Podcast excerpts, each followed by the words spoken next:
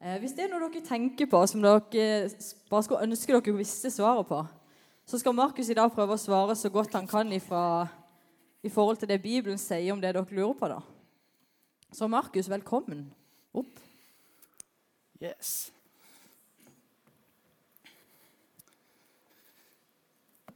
Det er forresten helt anonymt, eh, bare sånn at dere vet det. Ja. Så bra. Ja, det var fint det du sa der, Martine, om, eh, om Bibelen. For jeg kan jo bare si det òg. At dette her er liksom ikke noe sånn der nei, Nå skal Markus si alle de kloke tingene han vet. For da hadde vi vært da hadde vi, ja, Nei, eh, da hadde det ikke vært så mye. Men eh, det handler liksom om eh, at jeg skal prøve å svare ut ifra Bibelen, og så langt som jeg på en måte forstår den.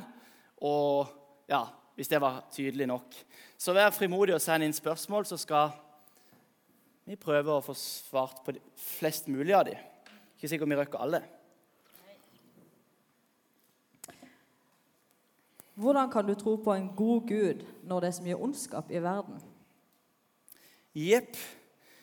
For, dere som er- for dere som har vært her de siste fredagene, så vet dere at vi har hatt en taleserie som heter Serr. Og Den handler jo om apologetikk. og sånn, og da var Et av temaene vi hadde oppe, var 'Gud er god'.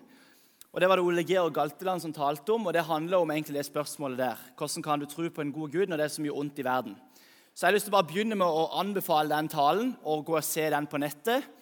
Så skal jeg prøve å si bitte grann, og jeg må bare si det også før jeg svarer på spørsmålene, at jeg rekker jo ikke å svare alt. Dere skjønner jo det, dere òg. Det er jo masse ting som kan sies rundt de spørsmålene. Så hvis dere vil spørre mer etterpå, så kan dere eh, spørre oppfølgingsspørsmål etterpå. Men ja, hvordan kan man tro på en god Gud når det er så mye ondt i verden?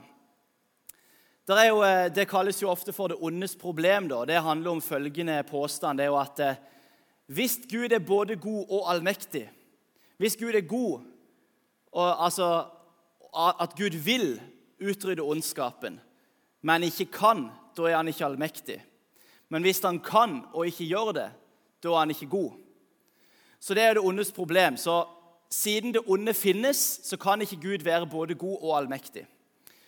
Det er en veldig kjent eh, apologet, eller hva det heter, trosforsvarer, eller hva, pastor heter han jo egentlig, som heter Rune Tobiassen, som har en del filmer som går på dette. og Han svarer egentlig veldig bra på det. og Han eh, bruker et eksempel som sier sånn som det.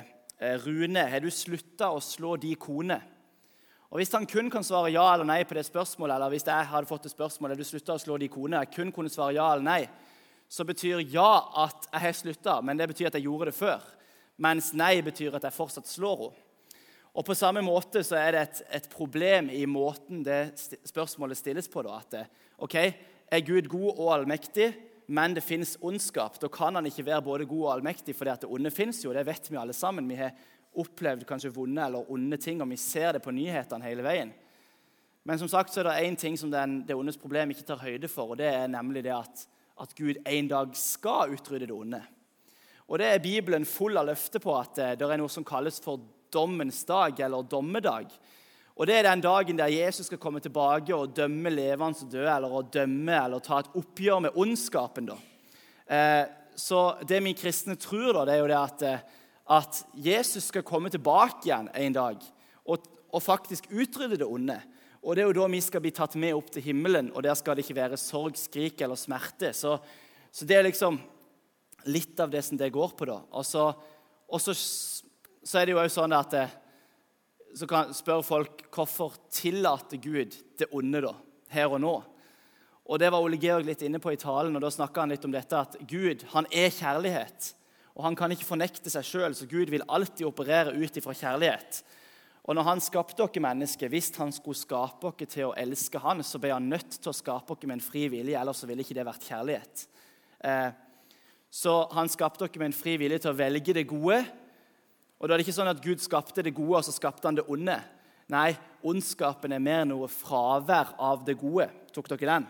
Så har Gud skapt de gode tingene, og så ut av mangel på eh, godheter så blir det ondskap, som på en måte kan bruke sammenligninger med at eh, det fins lys, og så fins det mørke, og mørke er dypest sett fravær av lys. Tok dere den? Jeg håper det var tydelig. Så Gud skapte dere til å kunne velge fritt, og derfor så er det ondskap, fordi at vi mennesker vi velger ikke alltid det som er godt. Så det var litt rundt det spørsmålet. Eh, ja. Eh, hvorfor virker Gud så annerledes i Gamle testamentet enn i Nytestamentet? ja, det er et godt spørsmål. Eh, Det, det vil si, det er jo eh, Det spørsmålet tar jo utgangspunkt i at man svarer ja på at Gud oppfører seg annerledes i Gamle testamentet og i Nytestamentet. Og det er jo ikke sikkert at du vil få alle til å si det, at Gud er annerledes.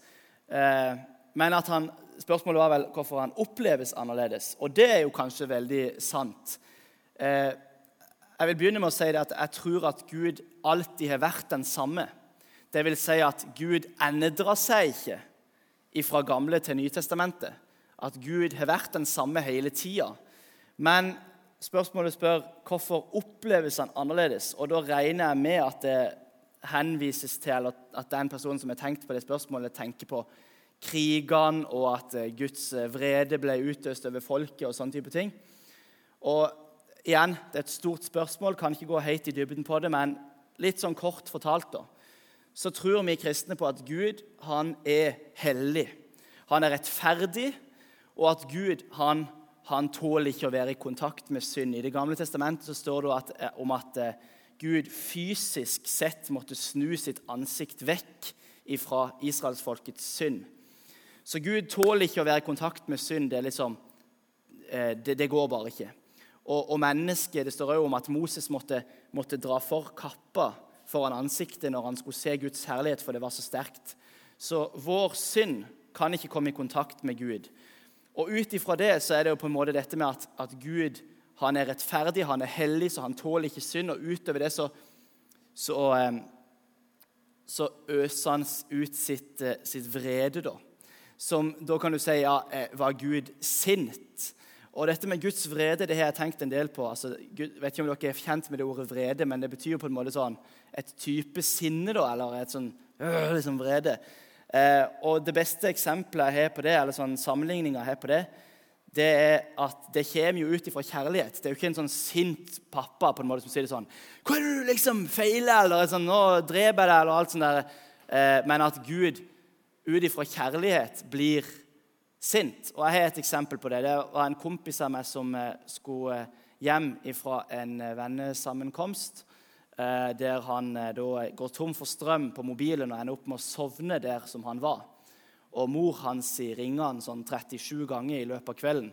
Og når han kommer hjem klokka halv seks på morgenen, så er det som møter han i gang av ei mora som står liksom med så å si tårene i øynene og bare 'Henne har du vært!' sant? Som jeg på en måte tenker på at det er vrede. sant? Den der Jeg er så redd for deg, jeg er så engstelig for deg, jeg er så glad i deg at jeg vil ikke at noe skal skje med deg. Så, så det det kommer ut i, er vrede, sant? eller brøling, egentlig. Og Litt sånn tenker jeg om, om, det vi ser av Gud i Det gamle testamentet. At, at, Gud kan ikke bare stå og se mellom fingrene på synd. Han kan ikke bare stå og se at vi mennesker påfører oss sjøl og andre skade eller eh, sårer oss sjøl eller andre. Eh, igjen masse her som eh, jeg kan ikke Men ja, Gud var den samme i Gamle testamentet som han er i dag. Og eh, dette gir seg litt til uttrykk på en annen måte pga eh, før og etter Jesus. da. Så, og da kom vi jo inn under at eh, I Det gamle testamentet så var de under loven, og nå er vi under nåden, som betyr at vi er under korset. Men hvis den personen som stilte spørsmål vil snakke mer om dette etterpå, så må vi ta det etterpå. For ja, Det er altfor mye der. Det, det er liksom 100 bibeltimer der. Det er mange spørsmål som er litt like her. Eh, men ja. hva vil du si til en person med dårlig selvbilde i forhold til Bibelen? Ja, Eh, dårlig selvbilde det vil jeg bare begynne med å si at det er noe jeg har slitt veldig mye med sjøl. Eh, når jeg var eh, ungdomsskoleelev og egentlig litt på videregående òg, så hadde jeg veldig mye dårlig selvbilde. Og jeg prøvde veldig mye forskjellig. Jeg prøvde å eh, få meg flere venner. Jeg tenkte at hvis jeg bare blir litt mer populær, på en måte, så vil det ordne det. Og På et tidspunkt så brukte jeg opp alle pengene mine på dyre merkeklær. På den tida var det Vesk og DC og alt sånt der. Kjøpte masse inn det og tenkte hvis folk ser de dyre, kule klærne jeg har, så blir det sikkert bra. Men det funka ikke. På den tida var jeg en del eh, større sånn fysisk, så jeg prøvde å slanke meg og trene. Og liksom tenkte at hvis jeg bare får litt finere kropp, så ordner det seg sikkert. Men det gjorde det ikke. Og så tenkte jeg hvis jeg bare får meg kjæreste, da går det sikkert bra. Så fikk jeg det òg, og det hjalp ikke, det heller. Eh, så det jeg har lyst til å si, det er at jeg tror virkelig at det finnes så mange plasser vi kan lete til den bekreftelsen som mange av oss som sliter med dårlig selvbilde, på en måte er ute etter. Det finnes så mange plasser, og det er på en måte jeg føler jo vi ser det gang på gang at, at ungdommer på en måte eksponerer seg sjøl med hjelp av selfie, og du vil liksom ha den der tilbakemeldinga på sosiale medier sånn 'Du er fin, du er sånn', og, det, og mange får en sånn type boost av det. sant? Og flere likes på dette bildet. Yes! Eller yes, hvis jeg bare går med litt eh, mer utring av topp på skolen, så kanskje jeg får mer oppmerksomhet. sant?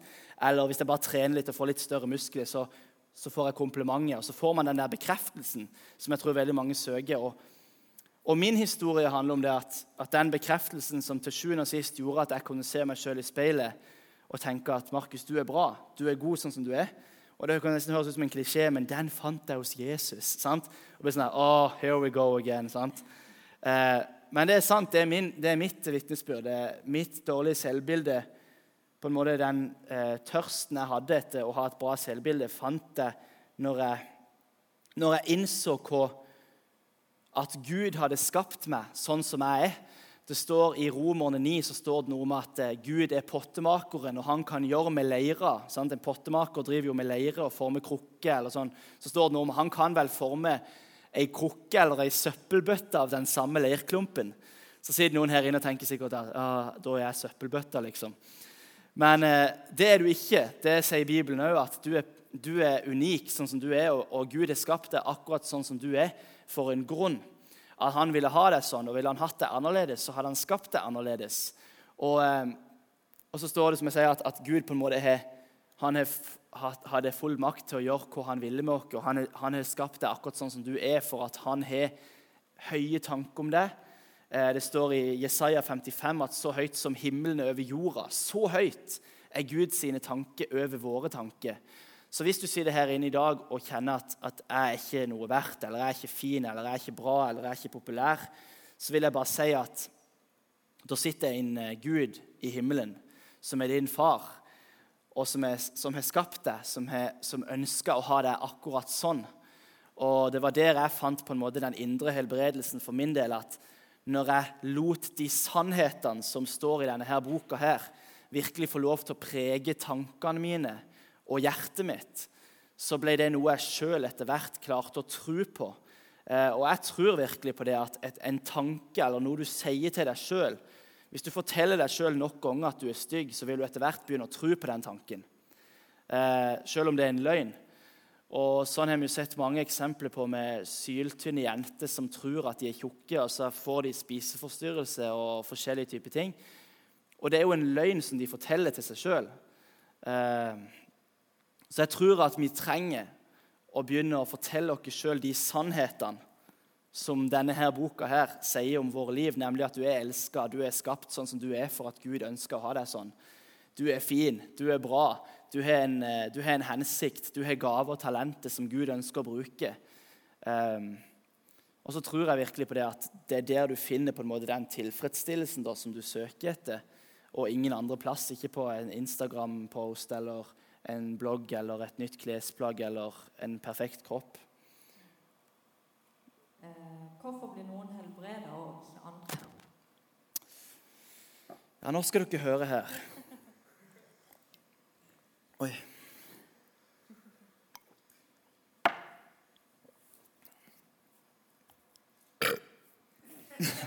Sorry. Um, det er ikke så lett å snu seg vekk fra myggen. Det er et spørsmål som jeg har, som jeg har vært veldig mye frustrert over. og Kanskje meg og min kone Malin vi har snakka veldig mye om dette. Malin, min kone, hun opplevde å bli helbreda i skuldra som hun hadde en skade i pga. en eh, lett motorsykkelulykke. Og Hun har sagt noen ganger at jeg skulle lett ha bytta vekk den helbredelsen mot at han eller hun skulle blitt helbreda. For det kan føles så sykt urettferdig. Det kan føles så urettferdig at en brukken tommel eller en forstua tommel blir helbreda, og så er det noen som har en dødelig sykdom som ikke blir helbreda. Jeg har bare lyst til å begynne med å si det at Hvis jeg hadde kunnet svart på det spørsmålet, så hadde jeg vært Gud. skulle jeg si. For jeg mener det virkelig at, at det er kun Gud som, kan, eh, som vet det. Hvorfor blir noen helbreda, og hvorfor blir noen ikke?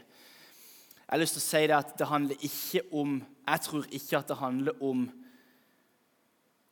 den personens tro. Det er noen som sier at ja, da er den personen for liten tro, f.eks. Hvis du noen gang har hørt noen si det, det er mange her som har familie eller venner som er alvorlig syke, så tror jeg ikke på det i det hele tatt. Jeg tror ikke at det handler heller om måten du ber på. At eh, Hvis du bare sier sånn og sånn, eller hvis du legger hånda der eller der liksom så, Jeg tror ikke på det. Men jeg tror på at Gud kan helbrede. Og jeg vet, som jeg sa i stad, at en dag, en dag så skal Gud fjerne all smerte, all sykdom, alt. Og så vil vi så veldig gjerne at det skal skje her og nå. og Av og til så skjer det, og av og til så skjer det ikke. Og Det verset som jeg klamrer meg sjøl til da, det, det er 1. Korinterbrev 13, der det står at her ser vi stykkevis og delt, men en dag så skal vi se og skjønne fullt ut, sånn som Gud kjenner oss fullt ut. Og Det kan være en fattig, mager trøst å høre det verset at, at liksom, ja, vi skjønner det ikke. Og så tenker du ja, men det var jo det jeg ville ha svar på. Hvorfor blir noen helbreda, hvorfor blir noen ikke? Og jeg tror ikke, altså, det er, altså, er, ikke noe Jeg kan ikke si at jeg kan oppfatte at det er noe svar på det. At Gud sier det og sånn, krysser av på en sjekklist. på en måte. Ja, nå har de bedt i Jesu navn. Ja, nå har de lagt hendene på. Ja, nå har de stor tro. Ja, nå har de ikke noe synd i livet sitt. Fint, da blir de helbreda. Jeg tror ikke på det i det hele tatt. Eh, jeg tror at Gud er suveren i det, og han har sagt at vi skal be for de syke. Legge hendene på de syke og be for dem, og de skal bli friske. Og Hvorfor det skjer av og til, hvorfor det ikke skjer, det er det faktisk bare Gud som vet. Um, en liten historie på det helt til slutt. Det var en eh, fyr, en mann, som følte han fikk et kall fra Gud til å be for syke. Så begynte han å be, og han ba og ba og ba for syke, og ingen ble helbreda. og det er gøy. Når du har fått kallet kall fra Gud om å be for syke, at de skal bli helbreda, så er det ingen som blir helbreda. Og historien sier at han ba for flere hundre, og ingen ble helbreda. Før plutselig en dag en nær, et nært familiemedlem eh, ble syk. Og så skulle han gå og be for denne personen. Så ble han spurt hvorfor, hvorfor gidder du egentlig å be. Du, det er jo ingen som blir friske når du ber. Så sa han jeg vet bare hva Gud har sagt. Og jeg vet ikke hvorfor det skjer og ikke skjer. Men jeg skal bare være lydig på det som Gud har kalt meg til. Og Så gikk han jo og ba for denne familiemedlemmet, og så ble den personen frisk. Og jeg vet ikke, Det er på en måte bare en sånn oppmuntring til oss alle at vi vet ikke hvorfor det skjer, og hvorfor det ikke skjer. Og, og eh, noen her inne går sikkert igjennom enorme smerter i livet sitt pga. at det er en person i det sitt liv som ikke har blitt frisk. Og til dere så har jeg bare lyst til å si fortsett å be, for det første. Og hold dere fast i det løftet om at en dag så skal Gud fjerne all smerte. og om det blir her eller om det blir i himmelen, så er det i hvert fall et, et håp som vi har. Og jeg er klar over at det kan høres ut som en mager trøst, fordi man vil så gjerne at den personen skal bli frisk her og nå. Så må jeg bare avslutte med å si det som jeg sa, at det er faktisk bare Gud som vet hvorfor det skjer og, og ikke. Eh, hva sier Bibelen om homofili?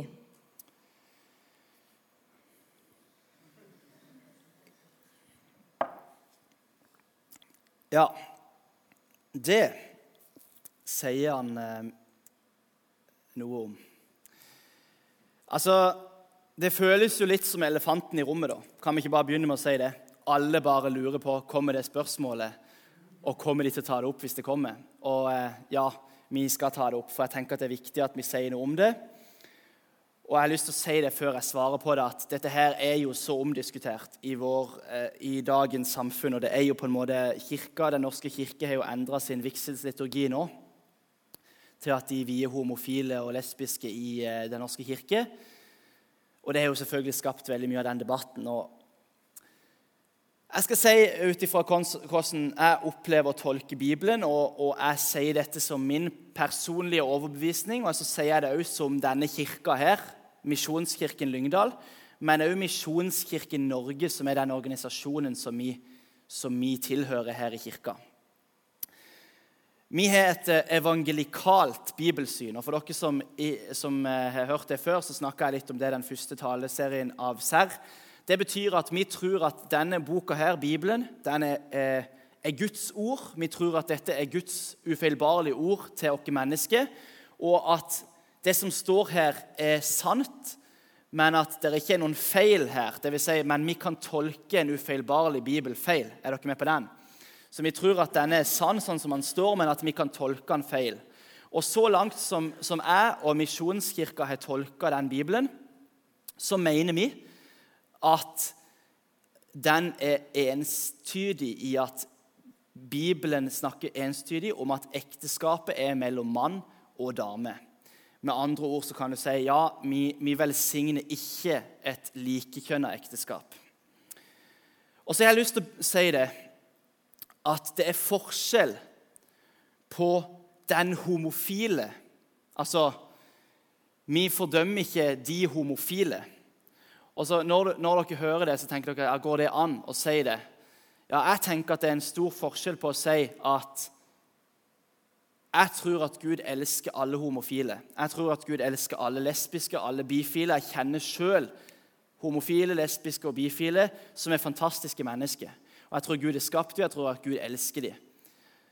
Men akkurat som der som Den norske kirke på en måte har tatt en ny vending, da, så handler jo det om at de har gått vekk ifra så vidt jeg forstår det, av å tolke det å utøve sin homofile legning At det å utøve sin homofile legning ikke er en synd. Det tenker ikke jeg, og det tenker ikke Misjonskirka og de aller fleste andre kirkesamfunnene i Norge i dag.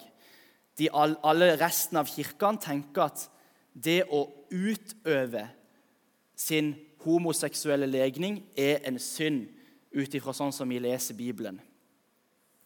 Og Det får jo da konsekvenser for altså, hvilke valg man tar. og Det betyr jo f.eks. At, at her så sier vi nei til å, å vie homofile og lesbiske. Um, og Det begrunnes som sagt i at, at vi mener at ut ifra vårt bibelsyn så, så, finner vi ikke noe Vi har en setning som sier at vi har Bibelen som eneste rettesnor for liv og lære. Det betyr at at vi, vi, bruker Bibelen når vi skal svare på sånne type spørsmål. Og sånn som vi tolker Bibelen med den kunnskapen vi har, så finner vi ikke det noen plass i Bibelen at det går an å velsigne det. Og så prøver jeg som sagt å understreke det at det betyr ikke at eh, homofile er mindre elska eller sånn.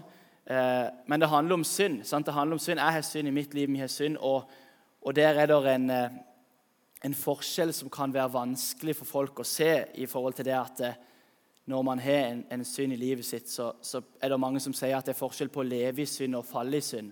Og Da kommer vi inn på det som jeg skal skrive min bacheloroppgave om, som er et langt tema som jeg heller ikke kan gå inn på. Men da tenker man at hvis man da eh, lever i en synd, så er det da noe som vi ikke kan velsigne uansett hva det måtte være. Og det å leve i et homofilt ekteskap vil jo da være en sånn type, av en sånn type karakter. da. Eh, så jeg har lyst til å fortelle om et av mine forbilder, som heter Bjørn Helge Sandvei. Han er professor på MF, og han er en som vi i Misjonskirka har vært og hatt eh, foredrag om når det gjelder dette temaet. Han er homofil, har vært det hele livet og sier at han har aldri følt at han har hatt noe valg på det. Men han har valgt hele sitt liv å, å avstå fra sin seksuelle legning. Og Nå kan du si det og tenke What? Og hvis jeg skal være helt ærlig, så er det akkurat det jeg tenker. Eh, det er sånn der, Hva søren, det er jo helt fantastisk, helt på en måte sprøtt. Men det er det han har gjort, og han på en måte blitt et forbilde for meg på det. Og eh, han sier det. Av all den kritikken som han har hørt mot det å ikke eh, vie homofile, da, eh, så, så, har han ikke funnet på en måte Han har ikke hørt noe argument ut ifra Bibelen da, som han på en måte føler at holder vann. da. Eh, og det, det, tenker jeg som veier for meg ganske tungt, med tanke på at det kommer fra en kristen homofil som, som, har levd som homofil hele livet, og som har valgt på en måte å avstå fra det. Men jeg er klar over at det er mange som eh, sitter her inne som, som, sannsynligvis kjenner noen, eller som eventuelt kjenner på det sjøl, at de er homofile eller lesbiske eller et eller annet, som dette kan høres ut som en eh, vanskelig ting for. Og det har jeg veldig forståelse for, og det kan jeg bare avslutte med å si at det syns jeg sjøl òg. Fordi at eh, jeg har som sagt homofile, lesbiske og bifile i, i, som jeg kjenner i mitt liv, som jeg er glad i og som jeg bryr meg om. Og det er en forskjell der på en måte mellom å se mennesket, tenker jeg, og, eh, og utøve legninger, da. Hvis det er mulig å, å, skjønne hva jeg sier når jeg sier det. Så jeg håper at det var noen eh, tanker som var mer eller mindre forståelige, eller eh, Jeg vet ikke. Da er det et spørsmål. Eh, har du noen tips til å bli flinkere til å lese i Bibelen og tilbringe mer tid sammen med Gud? Nei. Nei da. Ja, tips til Ja. Eh, ja, det kan jeg for så vidt komme med. Altså det, det med det på en måte alenetid med Gud, da det som, Jeg har vært veldig frustrert over det i det siste. fordi jeg har, jeg har tenkt veldig mye på det. For i det siste så har jeg jeg kan bare si det, Nå hold dere fast i stolen. alle sammen hold dere fast i stolen. I det siste har jeg vært inne i en skikkelig dårlig periode når det gjelder det å sette meg ned og lese i Bibelen. Og han er ungdomspastor. What the heck? Spring ut. ja. Nei, men Det kan være vanskelig. Altså, Er vi enige om det? Det å på en måte ha de der gode rutinene på at nå skal jeg sette meg ned, nå skal jeg lese, nå skal jeg be, nå skal jeg tenne lys, nå skal jeg liksom, å, det skal bli så herlig å høre på lovsang og sånn. Men veldig ofte så føler jeg at når vi snakker om det, og jeg har gjort det selv også, det er så viktig å bruke tid med Gud gjennom Bibel, bønn og lovsang. Og så stopper lista der, liksom, at det er de eneste måtene man kan møte Gud. Og så er jo sannheten at veldig mange kjenner seg ikke igjen i det i det hele tatt. Og jeg kjenner meg igjen i det, for jeg liker veldig godt både lovsang og bibellesing. Og bruker liksom tid på det. Det syns jeg er helt topp. Men jeg bare sier det først at jeg tror at det finnes så mange flere måter å connecte med Gud på enn gjennom det. Jeg tror at veldig mange, f.eks. når de gjør noe for andre, at da opplever de virkelig at Gud er skikkelig nær. Eller hvis de springer en tur i skauen og ser på soppene og trærne og bladene og blomstene, så blir de helt sånn der Wow, Gud! sant? Og så begynner de å snakke med Gud ut ifra det. Jeg har fortalt en historie en gang om at eh, en av de saligste bønnestundene jeg hatt, eh, hadde jeg når jeg just hadde spist et eple. Og Jeg har ikke noen god forklaring på det, men det eplet var så latterlig godt at jeg bare brøyt ut i spontan tilbedelse til Gud. Så jeg tror at Gud på en måte møter dere, at vi kan connecte med Gud på så mange måter. Så om ikke annet, spis et eple og takk Gud for at du har det eplet i livet ditt. Eh, så, det var det, måte første jeg ville si. At, at eh, det å bruke tid med Gud kan være mye mer enn bare Bibel, bønn og lovsang. Altså, Ta med Gud inn i det du gjør. Altså, Er du på fotballtrening, spill fotball for Gud. da. Er Gud med som, de talentene du har fått. Eh, men når det gjelder spørsmålet, og, og om jeg har noen tips til det, så har jeg lyst til å si jeg har vært mye flinkere på det enn det jeg er nå. Eh, og det handler for meg i hvert fall om rutine, rutine, rutine. Vane, vane, vane, vane. vane. Eh, vi har sikkert alle sammen gjort et større eller mindre forsøk på å komme i fysisk form. Og, eller f.eks. at nå skal jeg eh, bruke tid på lekser. ikke sant? Og Så lenge du holder det gående, så går det ganske greit. Men med en gang det går en dag eller to uten, så, så skyter det ut. Jeg vet ikke om dere kan kjenne dere igjen i det. Så når jeg var tolv år, så tok jeg et valg på at jeg skulle lese ett kapittel i Bibelen hver kveld. Og, og jeg gikk gjennom, så å si gjennom ild for å få det til. Den ene gangen så var jeg på hytta og var langt ute i Gokk og liksom hadde ikke en bibel. og sånn og sånn, og Da fikk jeg en kompis til å skrive ned ei hel salme og sende på SMS til meg. og Det var før iPhone, der du kunne klippe og lime. Så liksom, jeg har lyst til å si det.